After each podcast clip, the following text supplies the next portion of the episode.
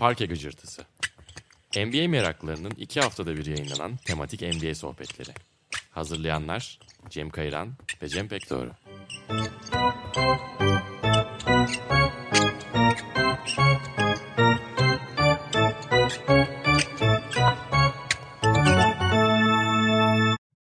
Parke Gıcırtısı'na hoş geldiniz. Ben Cem Kayıran. Cem Pekdoğru ile birlikte bu bölümümüzde ikinci müzisyen konuğumuzu ağırlıyoruz ve çok heyecanlıyız. Kamufle bizimle birlikte. Hoş geldin Kamufle. Hoş bulduk, merhabalar. Nasılsın Cem? Ben daha bıraktığın gibiyim. Kamufleyi aramızda görmekten, ikinci müzisyen konuğumuzu ağırlamaktan onur duyuyorum. Estağfurullah. Kamufle ile bu zamana kadar Bantmag için farklı röportajlar, farklı sohbetler yaptık, yayınlar yaptık. Her zaman konu bir şekilde NBA'ye bağlandı sohbetlerimizde. O yüzden onu zaten bir gün parke gıcırtısında konuk edeceğimizi biliyordum. Emindim bundan. Ama çok nokta atışı doğru bir konu başlığında aslında kendisini ağırlıyoruz. Programın ilerleyen dakikalarında daha derin bir şekilde açacağımız Vince Carter dosyası sebebiyle bugün NBA'in yüksekten uçanlarını smaçlarıyla hatırladığımız oyuncuları anacağız hep birlikte. Bu arada Kamufle'nin yeni albümü 19T'de 4 bölüm halinde yayınlandı ve 4. bölümü geçtiğimiz haftalarda paylaşıldı. Kamufle istersen birazcık programa geçmeden önce bundan da bahsedelim. Nasıl hissediyorsun albümle ilgili? Yani albümün çıkış zamanı birazcık talihsiz oldu. Albüm çıktığından beri ülkenin başına gelmeyen kalmadı. İlk part çıktığında savaş çıktı. ikinci partta korona vardı. Üçüncü de koronanın içindeydik. Dördüncü partta da göktaşı düştü. Yani bir şekilde ama 19 T albümü çıktı şu an. 12 şarkıda bütün sosyal mecralarda açık. güzel bir albüm oldu. İki sene uğraştık. İki sene sonunda Dapoet'le beraber güzel bir iş çıkardık. Yani muhtemelen şu sıralarda turnede olacaktın veya albümün tanıtımlarını insanlarla bir araya gelerek yapıyor olacaktın ama çok tuhaf bir zamanda yayınlandı gerçekten senin de dediğin. Evet 12 şehirlik bir turne ayarlamıştık hatta. Hepsi yalan oldu. Hatta Mayıs'ta Almanya'ya gidecektim. 3 şehirde Almanya'da konserler verecektim. İlk defa hayatımda yurt dışına çıkacaktım ama olmadı. Olsun. Bu sayede parke gıcırtısında seni konuk edebilmiş olduk. yeah. Smaç sizin için ne ifade ediyor? Biraz buradan isterseniz bir sohbeti başlatalım.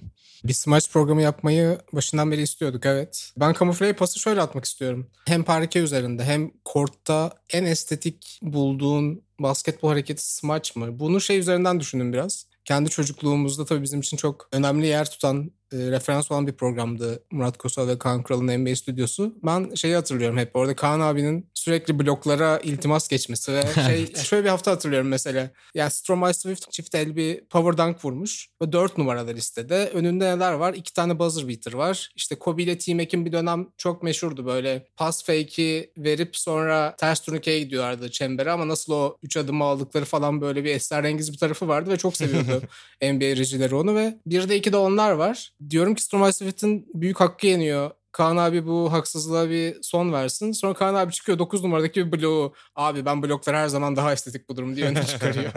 Ama Stromae Swift'in zaten çok iyi bir oyuncu değildi ve çok eleştirilen bir oyuncuydu. Yani sıralardan da seçilip hakkını hiç verememiş bir oyuncuydu. Ama yani smacı çok mu hani şey alıyoruz bir noktada belki çok fazla o smaç görüntülerine o bombardımana maruz kaldığımız için mixtape'lerden işte derlemelerden belki bir noktadan sonra o şaşırtıcılığını kaybediyor bizim için ama işte o şaşırtıcılığını kaybetmeyen birkaç isme özellikle Vince Carter'a değineceğiz. Kamufle sana sorunun başına dönersek senin için smaç mıdır abi olay yoksa hani iyi bir crossover mesela Iverson'ı sevdiğini de biliyorum. Hı hı. Yoksa iyi bir alley pası. Yani şey aslında crossover ve asist de beni çok heyecanlandırır hani o oynadığım mevki de bir zamanlar hep ona dayalıydı ama smacın tabii ki ayrı bir adrenalini var. Estetik, kuvvet, bir de yaratıcılık yani çok ön planda smaçta. Hani crossover ve smaç diyebilirim yani net bir şekilde. Heyecanlandırır beni. İki sene önce galiba bize ben Sokrates Almanya için çalışırken Türkiye ofisinden işte Buğra bir top 50 smaç derlemesi galiba o dönem The Jump programında yapılmış bir şey atmıştı. Maç içi smaçlar sadece. Ya orada bir seçim yapmam da gerektiğinde ilginç de bir seçim yapmıştım. Listenin 16 numarasında en iyi smaç seçmiştim. Bayron Davis sevgimin de belki etkisiyle. Belki konuşuruz bugün. Ee, ama orada şeyi fark ediyorsun yani maçı izlemiş olmak mesela canlı izlemiş olmak bir şey katıyor. Beklenmedikliği bir şey katıyor. O ambiyans bir şey katıyor. Bazen işte Jordan'ın Ewing üzerinden vurduğu smaçtaki gibi öncesinde Oakley ve Starks'ı ekarte ettiği hareketle birlikte o bütün olarak baktığında ayrı bir şey katıyor. Çok farklı parametreler var. İyi bir smaç şey gibi yani gezegenlerin aynı çizgide buluşması gerekebiliyor iyi bir smaç ortaya koymak ya da böyle unutulmaz bir smaç ortaya koymak için. Ya bir de bağımsız gelişiyor yani o anki ruh halinle de alakalı böyle bir psikolojik tarafı da var. Planlanmamış bir şey olması da insanı heyecanlandırıyor ayrıca. Peki aramızda hiç smaç basmış olan var mı? Ben basıyordum. Evet ben hayalini kurarken sakatlandım maalesef. O yolda giderken sakatlandım ve devam edemedim. Ama Kamufle'nin de dediği gibi hani çok böyle bir özellikle sanırım bugün bahsedeceğimiz isimler özelinde hani böyle bir, bir boşalma hissi bir hani neredeyse isyankar diyebileceğim bir çıkış hali, patlama hali smaç denince akla gelen şeylerden biri. Benim mesela kendi çevremde hani benim NBA'ye olan ilgime yaklaşmamış veya NBA ile veya basketbola çok ilgilenmemiş insanların hani hep bana işte hani ne yapıyorsun işte 10 tane adamın potaya smaç basmasını izliyorsun. Hani hep böyle basketbol, NBA denince akla gelen aslında ilk hareket, ilk imaj belki de birinin çıkıp potaya topu indirmesi aslında. Çok estetik örneklerini bugün de bu programda umarım anabildiğimiz kadar anarız. Senin demin değindiğin Baron Davis smacı muhtemelen Krylenko'nun üzerinden bastı Evet. smaç. Benim de onunla ilgili şöyle ilginç bir anekdotum var. Kız arkadaşım ki yani benle tanışmadan önce çok o da NBA ile içli dışlı değil ama şimdi biraz daha hakim mevzuya. Ona ilk böyle hani bahsettiğimde hani neyi bilmem gerekiyor dediği zaman ilk gösterdiğim şeylerden biri o smaç olmuştu. Baron Davis'in Krylenko'nun üzerinden bastığı smaca da selam verelim. Ama Vince Carter dosyasını açmadan önce birazcık başka isimlerden bahsederek ısınalım programı istiyoruz ve Kişisel smaç kahramanları gibi. topu da konuğumuzu atalım ilk önce. Kimden bahsetmek istersin kamufle? Yani Jason Richardson mesela o konuda efsanedir. Hatta Desmond Mason az önce kaynatırken de söylemiştim. Bu 2003 smaç yarışmasında Desmond Mason'la Jason Richardson'ın bir kapışması vardı. Yanlış hatırlamıyorsam. O mesela kapışma benim hiç hafızamdan silinmez. İşte J.R. Smith'in bu ilk çaylak döneminde belinden topu çevirip bastığı smaç. Onu galiba konuşmuştuk eski parke gecesi bölümlerinden birinde değil mi? O çok underrated Ben de smaçlarından biri. Evet. Evet. Andre Iguodala'nın Iverson'ın böyle ters panyadan Evet. pas verip böyle gömdüğü smaç. Sonra soyunma odasına doğru koşması falan böyle. Onlar mesela hafızamdan silinmez. Bu Dominic Wilkins'ler, Spud Webb'ler var oğlu var. Ama son yıllara mesela çok hakim değilim. İşte ne bileyim aklıma mesela şey geliyor estetik smaç. Derrick Rose'un smaçları beni mesela çok heyecanlandırıyor. İşte Russell Westbrook'un smaçları böyle o patlamaları dışarıda tam oyun kuracak sanarken bir anda bir koridor bulup alakasız bir yerden smaç basması falan. Böyle kelle adamlar var. Ricky Davis smaçları, işte Baron Davis. Russell Westbrook, Cem Doğru'yu da çok heyecanlandırıyor Hı. her şeyiyle galiba. Yani evet özellikle ben kısaların power dunklarının biraz hak ettiği değeri almadığını düşünüyorum. Onun üzerinden birkaç kahraman belirlemiştim hatta yayın öncesi ama Desmond Mason parantezi önemli. Kamuflenin ben daha önce birkaç röportajına denk gelmiştim. Yani işte Dr. J. Allen Iverson, Magic Johnson, Vince Carter ve Desmond Mason mesela yani Evet. aklından çıkmayan Evet. karakterler. Bunun arasında Mason evet yani tabii ki dört tane Hall of Famer'dan ve dört tane çok büyük oyuncudan bahsediyoruz ama ya Mason'ın algısı biraz bence de olması gerektiği gibi değil o miras. Tabii ki Jason Richardson geldi ve kendi çağını başlattı gibi oldu. İlk sene üst üste inanılmaz maçlar ve ya bence akrobasi anlamında Vince Carter'ın da boya düşüremeyeceği bazı maçları var. Yani akrobasiden 10 üzerinden 10 tam puanı ben Jay Rich'e veririm. Carter komple paket olarak Jay Rich'i geride bırakabilir diye düşünüyorum. Geliriz Carter konuşurken. Ama işte Desmond Mason mesela bir şey de değil yani. 90'larda mesela iki sene üst üste galiba kazanmış Harold Miner diye bir oyuncu var. Ligde zaten 5 yıllık bir kariyeri var. Hani iyi smaçlar vuruyor ama çok iyi rakipleri yok. İşte Cedric Cebalos'la falan kapışıyor galiba. Brent Berry ile bir sene finale çıkıyorlar. İşte 2000'lerde kim vardı o şekilde? Fred Jones vardı mesela Indiana'da. Bir tane kazanmış olduğu bir smaç şampiyonluğu var ama hani Evet ona hatta şaibeli derlerdi o smaç yarışması Evet. için Fred Jones'a. Kimle kapışmıştı finalde? Jay Rich mi vardı yine? Jay Rich'ti. Herkes Jay Rich'in üçleyeceğini sanıyordu. Ama Doğru, Fred doğru. Jones 2004 olması lazım. almıştı. Bayağı da tepki görmüştü.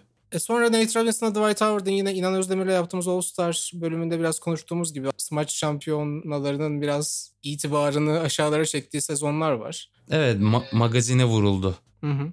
Aynen. Ama işte şey demeye çalışıyorum. Desmond Mason hani o Harold Miner ya da işte yakın zamanda Derek Jones Jr., Gerald Green gibi hani ligde olsun da yarışmaya katılabilsin deneyecek ama aslında NBA seviyesinde pek de olmayan oyuncular gibi değildi. Yani Seattle'da da Milwaukee'yle de adamın ilk 5 oynadığı ve yani playoff seviyesinde olan takımlarda ilk 5 oynadığı 3-4 tane çok sağlam sezonu var aslında Mason'ın. Evet evet istikrarlı da bir oyuncuydu diye hatırlıyorum. Şimdilerde de resimleriyle aslında biraz gündemde. Bilmiyorum haberdar mısınız ama bayağı hem de böyle hayır kuruluşlarına da yardımcı olacak şekilde sanat üretimini devam ettiriyor. Bir galerisi vardı galiba. Evet. Evet. NBA oyuncularının çok sık kariyerlerini döndürdüğü bir yön değil orası. Bir tane Godzilla afişi var kendi yaptığı. Bir fan olarak. Bayağı iyi.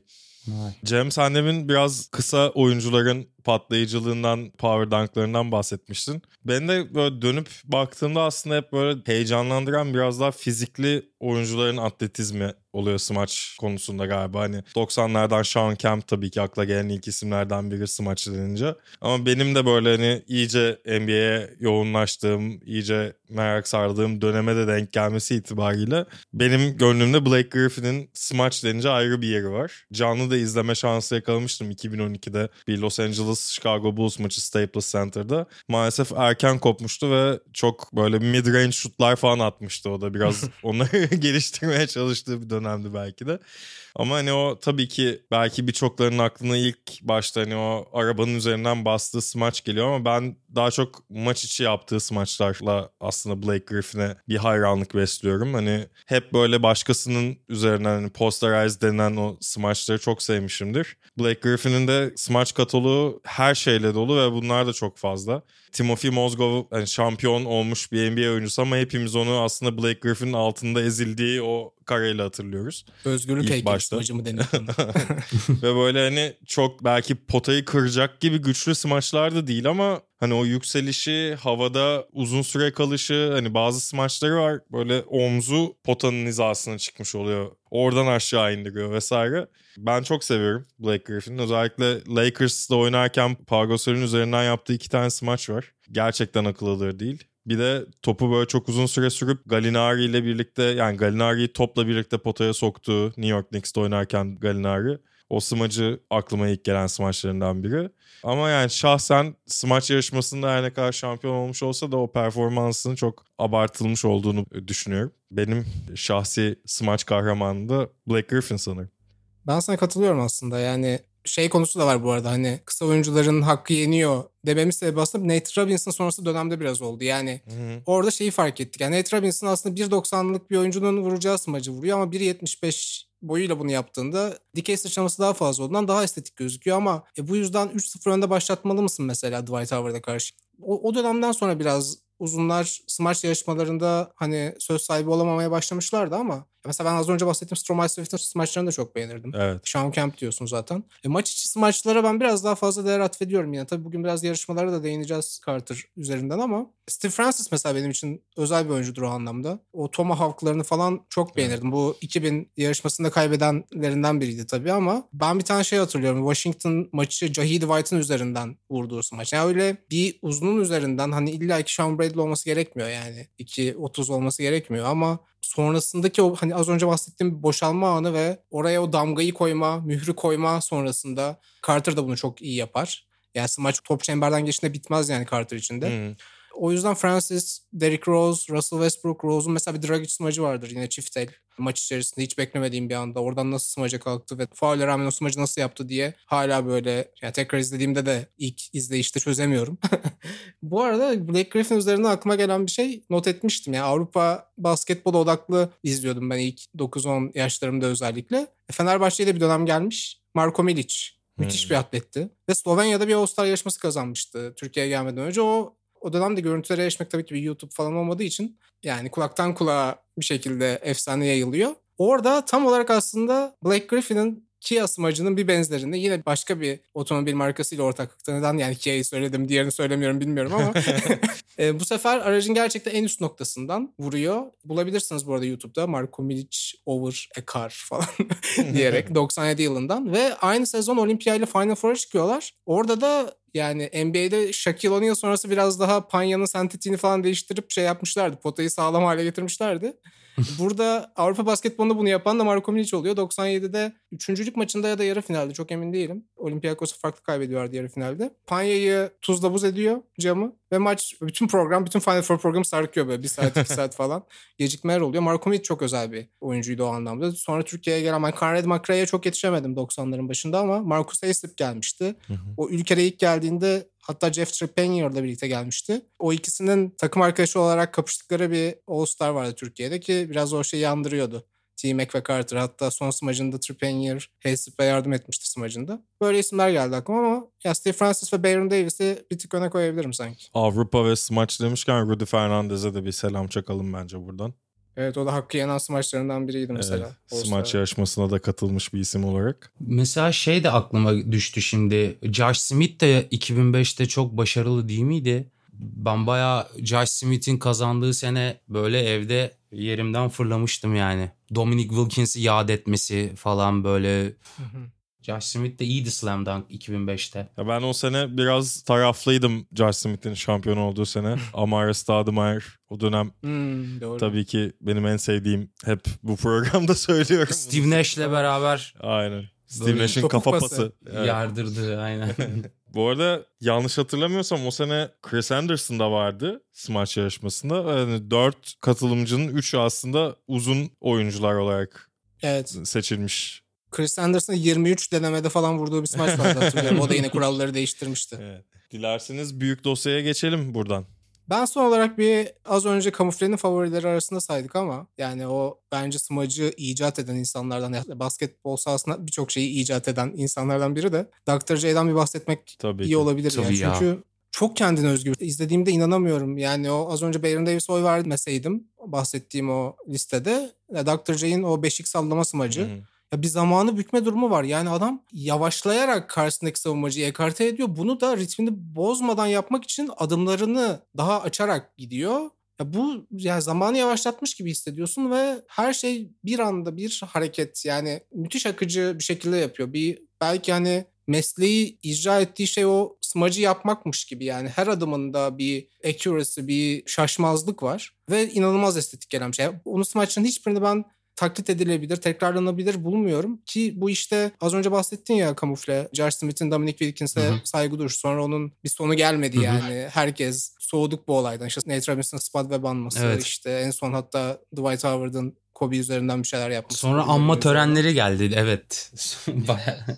Bir sezonda hatta şey yapılmıştı hatırlıyor musunuz? Herkes bir tane efsanevi smaç seçiyordu ve onu taklit etmeye çalışıyordu. Ve birisine Dr. J gelmişti. J. Rich bile olabilir. Ya orada da anladım ki ya sen doğrudan birebir aynı hareketleri yapsan bile o kadar göze estetik gelmiyor Hmm. asla. Çok hani kendine özgü bir tarafı var ki sahadaki her şeyinde var. Yani driplinginde de var. Turnikesinde de var. O çok çok çok farklı bir oyuncu. Kolu falan da çok uzundu Dr. J'in. Yani dikine dediğin gibi büyüktü. ağırlı Evet. yani yavaşlayıp bir anda dikine o kolun bacakların bir anda böyle açılması savunmayı direkt indiriyordu yani. Savunma çok pasif kalıyordu adam yükselmeye başladığında. Çok enteresandı gerçekten. Yani o topun elinde o kadar ufak görünüyor olması smaca giderken zaten böyle bir Tsubasa bölümü falan gibi bir şey aslında yani. Belki de herhalde Dr. J'den sonra estetik anlamda gerçekten yani Vince Carter'ı aynı sınıfın mensubu görebiliyorum ben Vince Carter ve Dr. J'ye. Herhalde buna sizin de katıldığınızı düşünüyorum. Kesin. Yani smacı yeniden icat eden kişi de Vince Carter'dı bence. 2000 smaç yarışmasında. ya öncesi de var tabii ama orada hani onun bir gösteriye dönüşmesi. Smacı modernleştiren, popüler hale getiren bence Vince Carter'dı ya. Ben mesela birinci sıraya koyarım. Tamam Dr. J belki işin başıdır ama Vince Carter ne bileyim yani çocukluğumun travması mıdır bilmiyorum ama benim yani aklımda hep böyle Vince Carter o konuda ilahtır yani bir numara bence Vince Carter'dır. Ya tabii ki aslında birçokları için malum bugün neden Vince Carter'ı böyle ballandırıyor ve konuşuyor olmamız. Bildiğiniz gibi NBA'in devam etme planları kapsamında hani 22 takıma indirmesiyle birlikte sezonu Atlanta Hawks dışarıda kaldı ve korona sürecinin başlangıcında oynanan ve Vince Carter'ın maçın sonunda oyuna girip üçlük attığı maçı bitirdiği o sekans, o maç Vince Carter'ı sahada gördüğümüz son an oldu. Dört farklı decade'de, dört farklı 10 yılda hani 90'lar, 2000'ler, 2010'lar ve 2020'de de sahaya çıkmış olmasıyla hani NBA tarihinde aslında çok kolay erişilemeyecek bir rekora da sahip olmuş oldu. Hani tuhaf bir istatistik oldu. 8 takımda oynadı ama tabii ki birçoğumuz hani Toronto ve New Jersey Evet. kariyerinin daha yükselişte olduğu ve daha üst düzeyde olduğu dönemlerini hatırlıyoruz. Ama kamufle belli ettiğin gibi daha önceki röportajlarında da söylediğin gibi gerçek bir Vince Carter hayranısın. Evet. Birazcık senden başlayalım. Vince Carter'a olan aşkın nereye dayanıyor, nasıl başladı? Ya şey böyle bizim orada işte bir basket sahası var. Kafes deriz oraya. Orada böyle 99 yıllarında 2000 yıllarında falan bizim orada işte Faruk abiler falan vardı. Onlar böyle bir Kobe Carter, Kobe Carter, işte Reggie Miller, Kobe Carter hep böyle bir makaraydı yani maç yaptıklarında biz de onları hep duyardık. Sonra böyle işte bize fazladan pivot dergilerini veriyorlardı abiler. Hani okuyorduk, geri veriyorduk falan. Alamıyorduk o zamanlar bir fotoğraf gördüm dergide böyle. Bir basket ya pivot da değildi başka bir dergiydi hatırlamıyorum da o bacak arası smacı 2000 yılında bastığı o fotoğrafı gördüm ben. Ondan sonra böyle araştırmaya başlandı. Kanal D'de NBA maçları oynamaya başlamıştı o zamanlar yeni yeni. Hidayet'in işte Sacramento Kings'e ilk gittiği dönemler tam o yıllar işte. 2000 başları falan. Böyle her gece maçlara denk geliyorduk ya da sabahları tekrarı falan oynuyordu. Vince Carter yani. Bu adam havada uçuyor. Direkt ben öyle gördüm. Dergideki fotoğraf ve işte Kanal D'de oynanan NBA maçlarda özetler ya da tekrarlarında gördüğüm adamdı.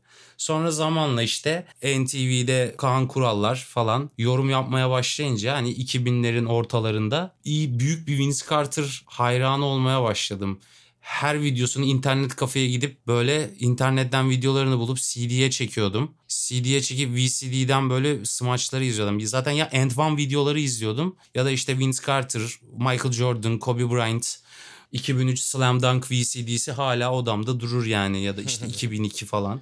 Evet yani YouTube öncesi dönemde benim de hani korsan müzik ve video platformlarından hep böyle NBA derlemeleri yani şimdi işte her yerde bulabildiğimiz o compilation videoları aslında zayıf internet bağlantılarıyla saatler süren downloadlar sonucunda Ama piksel piksel izliyorsun yine tabii. tabii ki. Onları izleyip sonra dışarı çıkıyorduk. İlk böyle Ataşehir'de kısa potalar vardır. Ataşehir'de kısa potalara gidip VCD'de izlediğimiz maçları taklit ediyorduk. Yani ellerimiz paramparça oluyordu falan böyle. İnanılmazdı. Benim de bir dönem işte öyle bir kısa pota hikayem var. O yüzden Cem ilk sorduğunda onu saymalı mıyım dedim. Ama bir böyle galiba bir 6-7 ay yaşadığımız bir yerde öyle bir okul bahçesi vardı. Ben de orada epey deniyordum ama orada bile zorlanıyordum. Mesela yani idmansız bir şekilde gittiğimde direkt vuramıyordum falan. Hani çok aslında tam tam bir şey deneyimi, profesyonel oyuncu deneyimi veriyordu bana. Bu az önce bahsettiğiniz bacak arası smacın posterini ben de bir dönem odama astım hatırlıyorum. Hatta o dönem 3-4 tane farklı dergi vardı. Yani çok ilgi görüyordu ama dergilerde daha çok o poster için satılıyordu. Yani Iverson, Kobe ve Carter posteri yoksa derginin tirajları Evet. bir anda yarıya düşüyordu. Ben o dönem çalışan e, işte Orkun'dan İsmail Şenol'dan falan biraz dinledim o dönemlerdeki durumu. Hani bu Slam'e kadar varan bir durum aslında Türkiye'de. Bunu fark edip yine Pivot'un galiba bir yan dergisi gibiydi. Basket Poster diye bir dergi Evet. Vermeye başladılar. Ya arkalı önlü ve inanılmaz yani şey gibi böyle şekerci dükkana girmişsin gibi. Yani hangisinden vazgeçip hangisini koysan falan o ara benim şeydi yani. Bütün duvarlarımda o kadar hani şımarmışım ki en iyi beşimi koyuyorum. En iyi beşimin oyun kurucu, Stuttgart falan şeklinde böyle 5 tane dizmişim yan yana falan filan ama onlar öncesinde bir dönemde Fast Break kapandıktan sonra dergisiz bir dönem vardı. 90'ların ikinci yarısı. O 98-99 falan Fanatik Basket'in biraz daha düşük kalite yani kuşa kağıdı ama yani poster kağıdın olmayan posterlerine tamah ediyorduk ve orada Vince Carter'ın galiba Jordan'ın Wings pozunu taklit ettiği kollarını iki yana açtığı Toronto formasıyla mavi bir background'ı çok kötü yani hiç uyumuyor.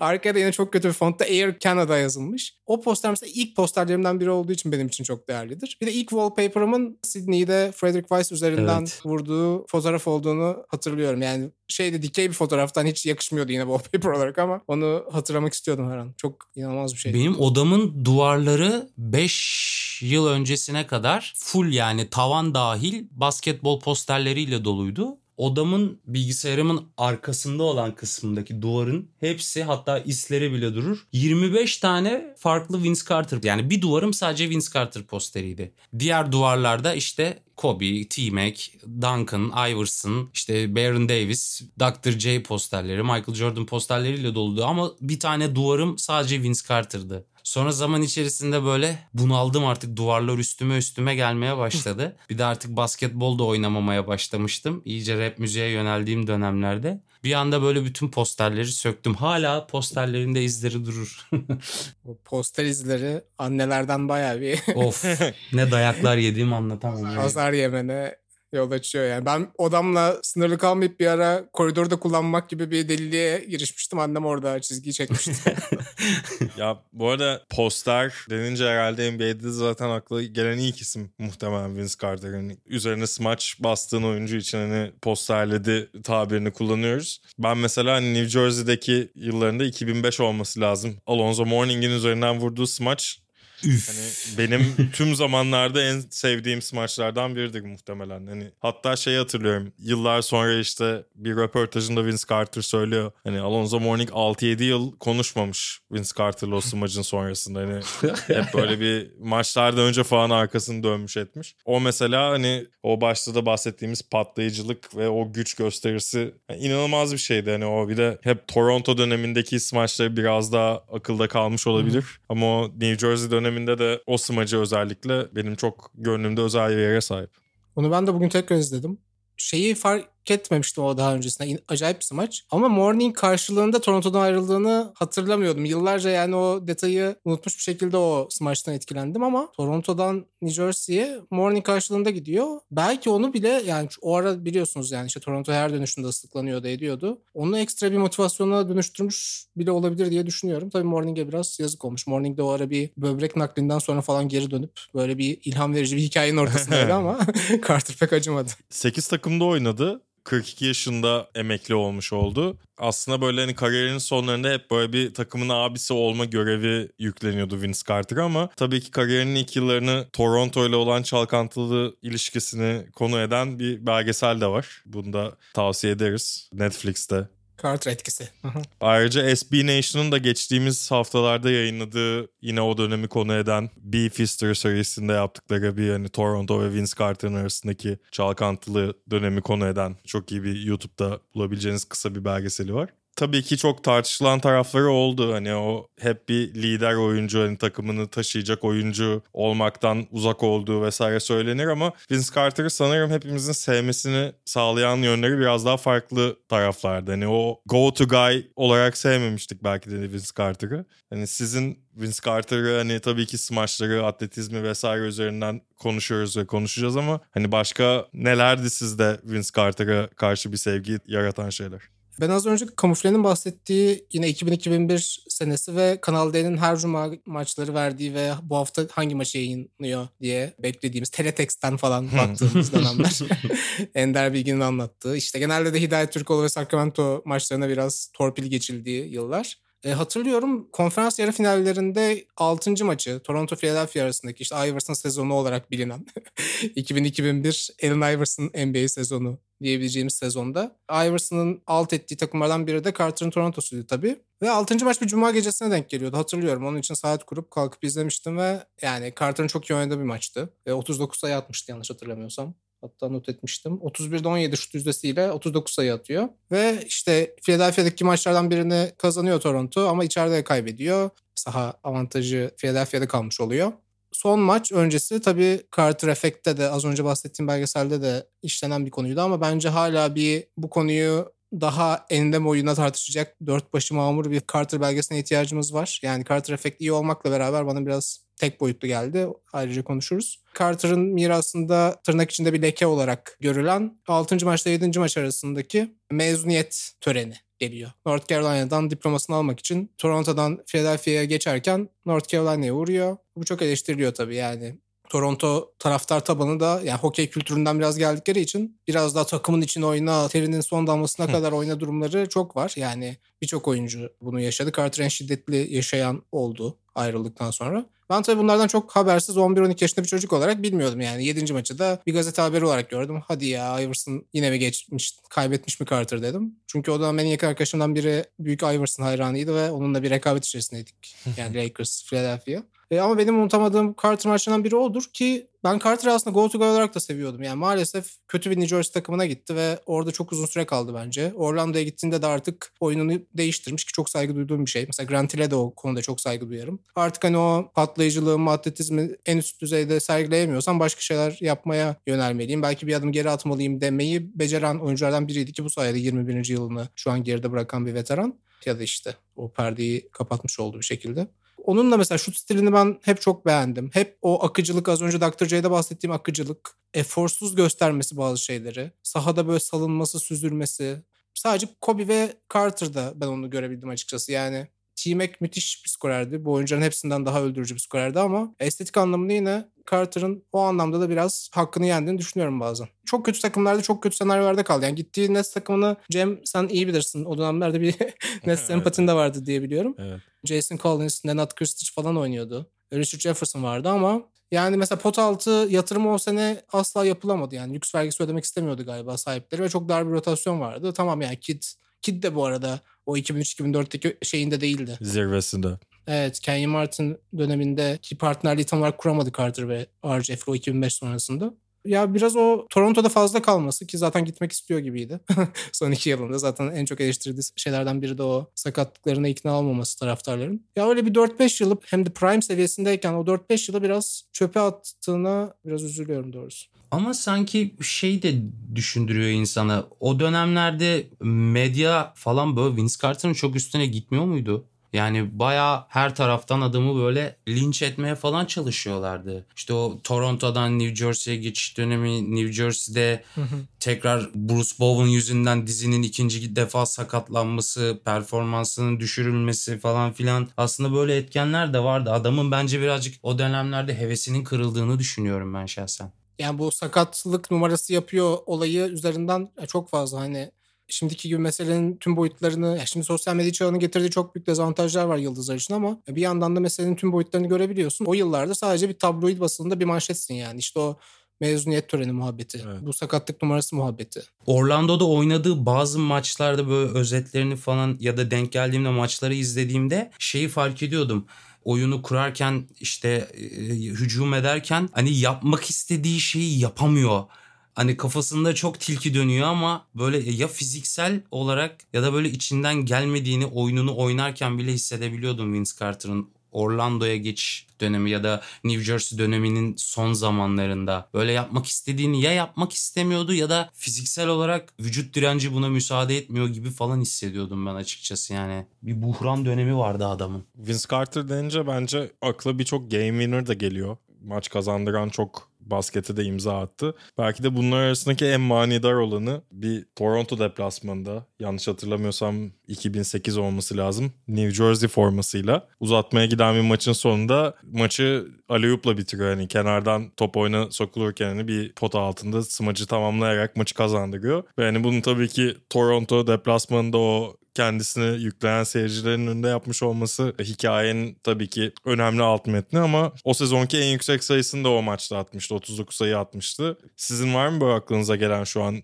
maç kazandırdığı performansları?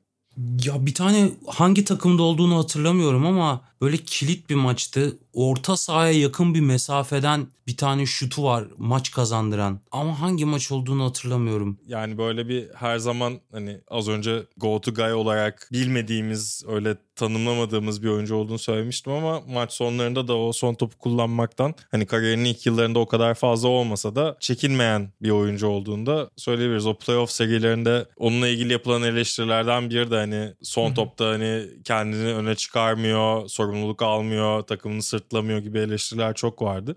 Ya şeyin biraz etkisi var Cem. Az önce dediğim gibi yani prime döneminde bir 4-5 seneyi böyle kaybeden takımlarda geçirdiği için Toronto'daki evet. son yılları ve New Jersey yani mesela clutch dediğimiz Kobe'nin de aslında baktığında son topları sayıya çevirme yüzdesi ve işte o pozisyon başına sayı ortalaması çok çok iyi değildi yani. Ama Carter bunu göz önünde olan vitrin maçlarda yapamadığı için bize bir hatıra bırakamıyor. Dediğinde çok haklısın bence. Hani bu 4 decade'de oynadığından bahsetmiştik. Toplamda 248 takım arkadaşı olmuş. Ee, yani en azından bir maça birlikte çıktığı oyuncular olarak. Bu da bir rekor bu arada. Hani NBA tarihinde. Of. Yani birçokların hayatına bir, bir şekilde değmiş bir oyuncu. Yani şimdilerde hani Trey Young mesela hani Atlanta'daki son takım arkadaşlarından biriydi. Trey Young muhtemelen 2000'deki smaç yapıldığı zaman hani henüz daha konuşmuyordu. O sebeple çok ilginç geliyor bana bu hani bir sürü farklı jenerasyonu kapsayarak NBA'deki varlığını hele böyle üst düzey atletizm üzerinden oynayan ve kendini çok hırpalayan tırnak içinde bir oyuncu olması itibariyle de bu kadar uzun ömürlü bir kariyere sahip olması da bence takdire şayan kendisine dair. Şey geyiği vardır ya NBA'deki 3 oyuncuyu kullanarak herhangi bir 3 oyuncu üzerinden Carter'a ulaşabilirsin yani. 3 degrees of bir şey deniyor ya ona. Böyle çocukken Curry'e falan antrenman yaptırması falan. Hmm. Evet. O takımda Del Curry de var çünkü az önce bahsettiğimiz Aynen takım. babası da var. bench oyuncularından. Sen şey dedin ya kamufle, smacı popüler hale getiren. Ya smacı cool, havalı bir şey yapan yeniden Evet. oyuncuydu. Çünkü 90'larda hatırlarsanız bir o Jordan Dominic kapışmalarından sonra büyük yıldızların All-Star hafta sonunda o davetlere gönül indirmediği yıllar geliyor. Yani Kobe Bryant 18 yaşında yarışmayı kazanıyor. Bir daha katılmıyor mesela. Evet. E, Carter orada bir go-to guyken, Toronto'nun bir numaralı oyuncusuyken hem de Team de biraz işte o Carter Effect'te de biraz bahsediyor. Team Eki de gaza getirerek azmettirici Zorla olarak götürmüş falan. Aynen bir de böyle çok yağmur yağıyormuş Oakland'da falan. Yani gerçekten o smaç yarışmaları değil sadece smacı da tekrar popüler bir hale getirdi ve ben 3-4 yıl önce Red Bull Com için çalışırken All Star hafta sonlarında Türkiye'de röportajlar yapıyordum de oyuncularla. Orada şeyi fark ettim. Herkese smaç kahramanlarını sorayım dedim. Bu oyuncular da hani yaş aralığı olarak doğum tarihleri 85'ten 95'e kadar değişiyor. Yani DJ Strawberry vardı. Katılmıyordu yarışmaya ama işte orada biraz böyle koğuş ağası gibi herkesin yanındaydı. e, tecrübeli oyunculardan biri olarak. Oradan hani al Kenny Gabriel, Josh Adams, Zach August hepsiyle konuştum. Ya Kenny Gabriel zaten North Carolina'da doğmuş listeyi orada okumuş biri ama yani ya bu soru mu abi der gibi bakıyordu herkes bana yani. herkes istisnasız Vince Carter. Tabii Ya ben de favori Vince Carter smaçlarını sordum. Daha çok 360'da 20 öne çıkıyor. İşte mesela Kenny Gabriel tabii daha hardcore bir Carter hayran olduğu için şeyi anlattı. Ee, Rucker Park'ta bir tane değirmen smacı var. Alyup değirmen değil mi? Evet evet Of. ondan bahsetti. İnanılmaz. Maçı bitiriyor. Orada fark edince yani 85-95 yani 10 yaşlık bir skaladan bahsediyoruz. Herkes istisnasız onu söylüyor. Sadece uzun oyuncularda Sean Kemp diyenler vardı. Bir de Mustafa Kemal Bitim'in oğlu Onural 99 doğumlu ama Dominic Wilkins dedi. O da işte babası Efes'te oynadığı için 90'larda çocukken ona VHS kasetlerden Wilkins Jordan kapışmasını izletmiş. Ama yani orada hani doğrudan görebiliyorsun. Yani biz tabii ki burada hani Ataşehir'de, Çorlu'da, James senin çocukluğun nerede geçti bilmiyorum. ama yani o çocukluğumuzu geçirdiğimiz koz yatağında yaşıyoruz bunları ama siyah bir oyuncu için belki yani siyah komüniteden gelmiş. Daha relatable hisseden biri. O smaçlardaki o cüretkarlık, isyankarlık onlar çok farklı duygulara muhtemelen yol açıyordur ve kültürün çok önemli bir parçası. Yani ben o yüzden daha iyi bir Carter belgeselini hak ediyoruz dedim ya. Yani Carter Effect veriyor Toronto'nun dönüşümünde ama zaten hani executive producer'lardan biri Drake, işte biri LeBron'un kankası Maverick Carter. Yani daha da büyük izler bıraktığını düşünüyorum bence Amerikan kültüründe. Sokak kültüründe de öyle. Ya Iverson üzerinden hep anlatılmaya meylediyor bu narratif ama Carter'ın da çok büyük izleri var bence. Şey hatırlıyorum. Geçtiğimiz sene galiba Kobe Bryant ve Tracy McGrady birlikte bir röportaj vermişlerdi TNT'ye. Ve konu ister istemez Vince Carter'a da geliyor. Hani onların da kariyerlerinin büyük kısmında rakipleri veya takım arkadaşları olarak birlikte oynadıkları isim olarak. Hani Kobe şey diyordu hani şakayla karışık da olsa hani bence hani bu sene smaç yarışmasına katılmalı. Hani hala smaç basıyor. Çünkü işte o zamanlar işte böyle bir maç öncesi hala windmill vurabildiğini görüyorduk yani videolar da vardı. Yani keşke mesela geçen yani son All Star'da hani Dwight Howard'la bir hype yaratmaktansa son senesindeki Vince Carter'ı muhtemelen kendisi istememiştir tabii ki ama hani illaki birilerinin de aklına gelmiştir. Ben burada müthiş bir fikirdi bu niye düşünmediniz demek istemem ama çok daha anlamlı olabilirdi. Bir de hani o kadar duygusal Kobe Bryant anısına da dönüşen bir All Star maçında hani böyle bir şeyin gerçekleşmiş olması. Bir de smaç yarışmalarında hep böyle işte neden bir daha katılsa ne olurdu? Bir defa katıldı ve onda da işin hani game changer oldu tamamen. Hani o da hep bir soru işareti olarak kalacak galiba kafalarda. 2007'de galiba jüride yer almıştı. Sizin başka Vince Carter'a dair söylemek, anmak isteyeceğiniz şeyler var mıdır? Şey mesela Vince Carter'ın şöyle bir kilit durumu da var benim için. Aslında ilk hip hop kültürüyle de aslında basketbol çok bağlantılı benim hayatımda. Çünkü ben basketbol sahasında ilk hip hop kültürüyle tanıştım. Hani breakdance, basketbol, grafiti hep benim o takıldığım çocukken çevrede oluşmaya başlayan şeylerdi. Hani 2004'te rap yapmaya, söz yazmaya başladım ama 2004 öncesi işte 2002'ler, 2003'ler yani Vince Carter benim hip hop ideolojimin de yani kilit noktalarından birisidir yani. Sadece basketbolla da kıyaslayamam. Stylingleri, giyim tarzları, işte o smaçları bastıktan sonraki hareketleri çok yani çok hip hoptu Evet. yani herifler. Öyle bir olayı da var Vince Carter'ın yani. İşte gece kulübü falan varmış Kanada'da, işte Toronto'da. Bütün MC'ler, bütün NBA oyuncuları sezon aralarında, maç aralarında Vince Carter'ın işte mekanına gidip takılırlarmış. Hip hop jamler yapılırmış falan yani. İşte o Carter Effect belgeselinde de var aslında bu hikayeler. O yüzden hip hop kültürüyle de çok bağdaştırırım Vince Carter'ın hareketlerini, tavırlarını. Ya bu arada sırf kendi döneminin de değil hala yeni nesil rapçilerin bile bir şekilde selam çaktığı bir isim Vince Carter. Bu Roddy Ricch şimdilerde YouTube rekorlarını, Spotify rekorlarını alt üst eden yeni nesil hip hopçı. Onun da hit şarkısı şimdi ismini hatırlamıyorum. The Box galiba. Ya onun klibinde yani şarkıda da zaten işte Vince Carter gibi smaç işte basacaktım dirseğimi potaya sokacaktım gibi bir lirik var. O smacı canlandırıyor klipte de bir şekilde tabii ki birçok destek alarak olduğunu tahmin ediyorum. yani dediğin gibi hani hem bu dirsek temasında olduğu hip hop kültürüyle de gerçekten çok güzel bir şekilde anılan ve orayla çok bağdaştırabileceğimiz bir isim NBA'den kesinlikle. Ya sen az önce dirsek smacı dedin de en son bir favori Carter smaçlarımızdan mı bahsetsek? Çünkü ben o smacı da çok severdim. Elbow hang ya da Bahsedelim cookie tabii. jar deniyordu galiba. Kurabiye kavanozu. Senin nedir kamufle? Bir numaran. Benim bir numaram bu işte 360 değirmen o 2000 Slam Dunk'ta yaptığı en favori smacodur bende. İkincisi o North Carolina'da bastığı o alley-oop değirmeni bir de Toronto'dayken yapıyor. Ama Hmm. değirmen basmıyor. Hangi maç olduğunu bilmiyorum ama kamera böyle direkt profilinden alıyor Vince Carter'ı. Böyle havada çiçek gibi açılıyor. Havada yakalayıp içine gömüyor topu. Hangi maç olduğunu hatırlamıyorum ama bir tane alley-oop'u var. O hiç hafızamdan silinmez. Bir de bir Indiana maçında soldan içeri giriyor Vince Carter böyle sıfır noktasından. Indiana defansıyla aynı anda sıçrıyorlar. Indiana defansından topu çeviriyor. Ters smaçla bitiriyor. Millet havada hani Vince Carter o kadar havada asılı kalıyor ki. Hani defans aşağı indikten bir saniye sonra Vince Carter hala havada falan yani aynı sıçramalarına rağmen. Öyle bir smaç var Indiana Toronto maçı. Onu hiç unutamam. Bir de tabii ki şey Alonzo Mourning'in üstünden bastığı smaç. Benim de yine tabii ki Alonzo Mourning smacı dediğim gibi Ha bir de Amerika Fransa maçı bir de o yani. Dikembe Mutombo'nun üzerinden vurduğu bir smaç var.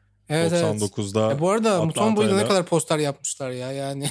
Herifin adı blokçuya çıktığı için herkes Mutombo'yu görünce dur bunun üzerinden bir smaç bulayım demiş 90'larda. Bir de sanırım Clippers maçında çok Julius Erving'i hatırlatan bir smaç o da. Böyle hani savunma oyuncusunun altından topu geçirip potaya smaçla bıraktı. O da gerçekten ne kadar atletik ne kadar estetik olduğunu tekrar tekrar ispatlayan smaçlarından biri. Bence 360 değirmen 2000 smaç yarışmasındaki daha spektaküler smaç ve yani yarışmayı kazanan yani en iyi smaç. Ama galiba bacak arası smaç hem az önce bahsettiğim poster detayından dolayı hem de sonrasında it's over hareketi. Yani Evet. işte smaç o anda olduğu anda bitmiyor diyoruz ya. Carter'ın çok benzersiz o anlamda jestleri. Yani hem rakibi degrade etmiyordu. Yani üzerinden smaç vurduğu adama kişisel bir şey yapmıyordu ama çok da hip hop bir bunu ben yapıyorum işte adamın durumu da çok vardı. Ha, aşağılamıyordu yani. Evet evet. Yani mesela Sean Kemp'in bu meşhur altın lister üzerinden vurduğu smaçtan sonraki hareketi var ya bang bang bang yapıyor. Öyle değildi hiç yani işte. Ben olayımı yaptım sen karşımda duramazsın diyordu. Yani orada dediğin gibi aşağılayıcı bir durum da yok. O smaç yarışmasında da bacak arası smaçtan sonraki jesti de birlikte düşününce benim favori smacım galiba o bacak arası. Düşündükçe akla daha fazlası da geliyor. Evet benim de aklıma bir sürü smaç daha geldi. Peki kamufle sen de şimdilerde çok fazla takip etmediğini söyledin ama Hı hı. Böyle bir Vince Carter'dan bayrağı devralacak isim olarak geçtiğimiz yıllarda da senin için önüne çıkan birisi oldu mu hiç? ya Zach Lavine beni heyecanlandırdı açıkçası. Ama artık eski mi kaldı bilmiyorum ama onun dışında aklıma yani çok uzağım son iki yıldır NBA'ye açıkçası. Kimse gelmiyor diyebilirim. Sizin varsa tavsiyeniz araştırırım ama.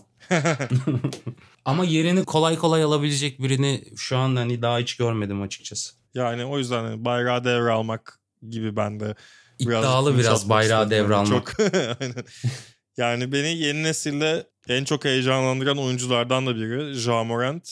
Hani onun hani böyle bir power dunk da değil bence hani kısa bir oyuncu olarak hani çok tuhaf bir vücut anomalisi var yani havada nereye nasıl ne zaman döneceğini kestiremiyorsun asla ve onun böyle bir özellikle açık alandan hareketlenerek geldiği pozisyonlar hep böyle bir heyecan verici bir şekilde sonuçlanıyor. Bir de tabii ki yani Donovan Mitchell da çok tuhaf bir insan bence. Gerçekten smaçlarıyla o atletizmiyle izlemesi çok keyifli. Ya bir de NBA dışında böyle bir tane YouTube kanalı takip ediyorum. Dunk Academic diye. Street basketbolcular. Yani inanılmaz smaçlar basıyorlar. Evet. Yani çok tehlikeli herifler var. Tabii ki yani oyun olarak zayıftırlar muhtemelen ama sırf hayatını smaç basmaya odaklayan sokak basketbolcuları var ve yani belki onlar hani Vince Carter'ın bayrağını devralan sokak basketbolcularıdır bence. NBA'de daha görmedim. Evet, Yani topu sırtına atıp bir de bacak arası yapıp ters smaç basmak falan gibi şeyler Falan çok acayip şeyler yapıyorlar. Oyun gibi ya 2K falan gibi gerçekten. Aa, 2K yaptılar işte. Oldu o. Ya, Yani nasıl oldu bilmiyorum. İnsan anatomisi yani. Çok acayip. Benim Carter'ın yerine koyabileceğim biri yok ama hazır programı kapatıyorken bir selam göndermek istiyorum ya da ne denir anısına bir saygı duruşu. Az önce Türkiye'deki All-Star deneyimlerimden bahsettim. Yanlış hatırlamıyorsam 2017 smaç yarışmasını Türkiye'de Anadolu Efes formasıyla kazanmıştı Tyler Honeycutt. Efes'ten gittikten sonra iki yıl sonra polis kurşunuyla hayatını kaybetti ve şu an devam eden bir kamu davası var ama bugünlerde çok sık konuşulan ölçüsüz şiddetin kamu personelinin ölçüsüz müdahalesinin örneklerinden biriydi hayata veda etmesi. Onu da hem dönemin havasıyla hatırladım belki hem de bu vesileyle Tyler Honeycutt'ı da bir anmak istedim. Kamufle çok teşekkür ederiz. Ben teşekkür ederim. Va- Böyle bir bölüme beni konuk ettiğiniz için çok sağ olun. Hani sizin kadar çok bilgi birikimim yok ama küçük donelerim var. Ona layık gördüğünüz için ayrıca teşekkür ederim. Çok sağ olun. Biz teşekkür ederiz tekrardan. Size de dinlediğiniz için teşekkür ederiz. Bir sonraki parke gıcırtısında tekrar görüşmek üzere.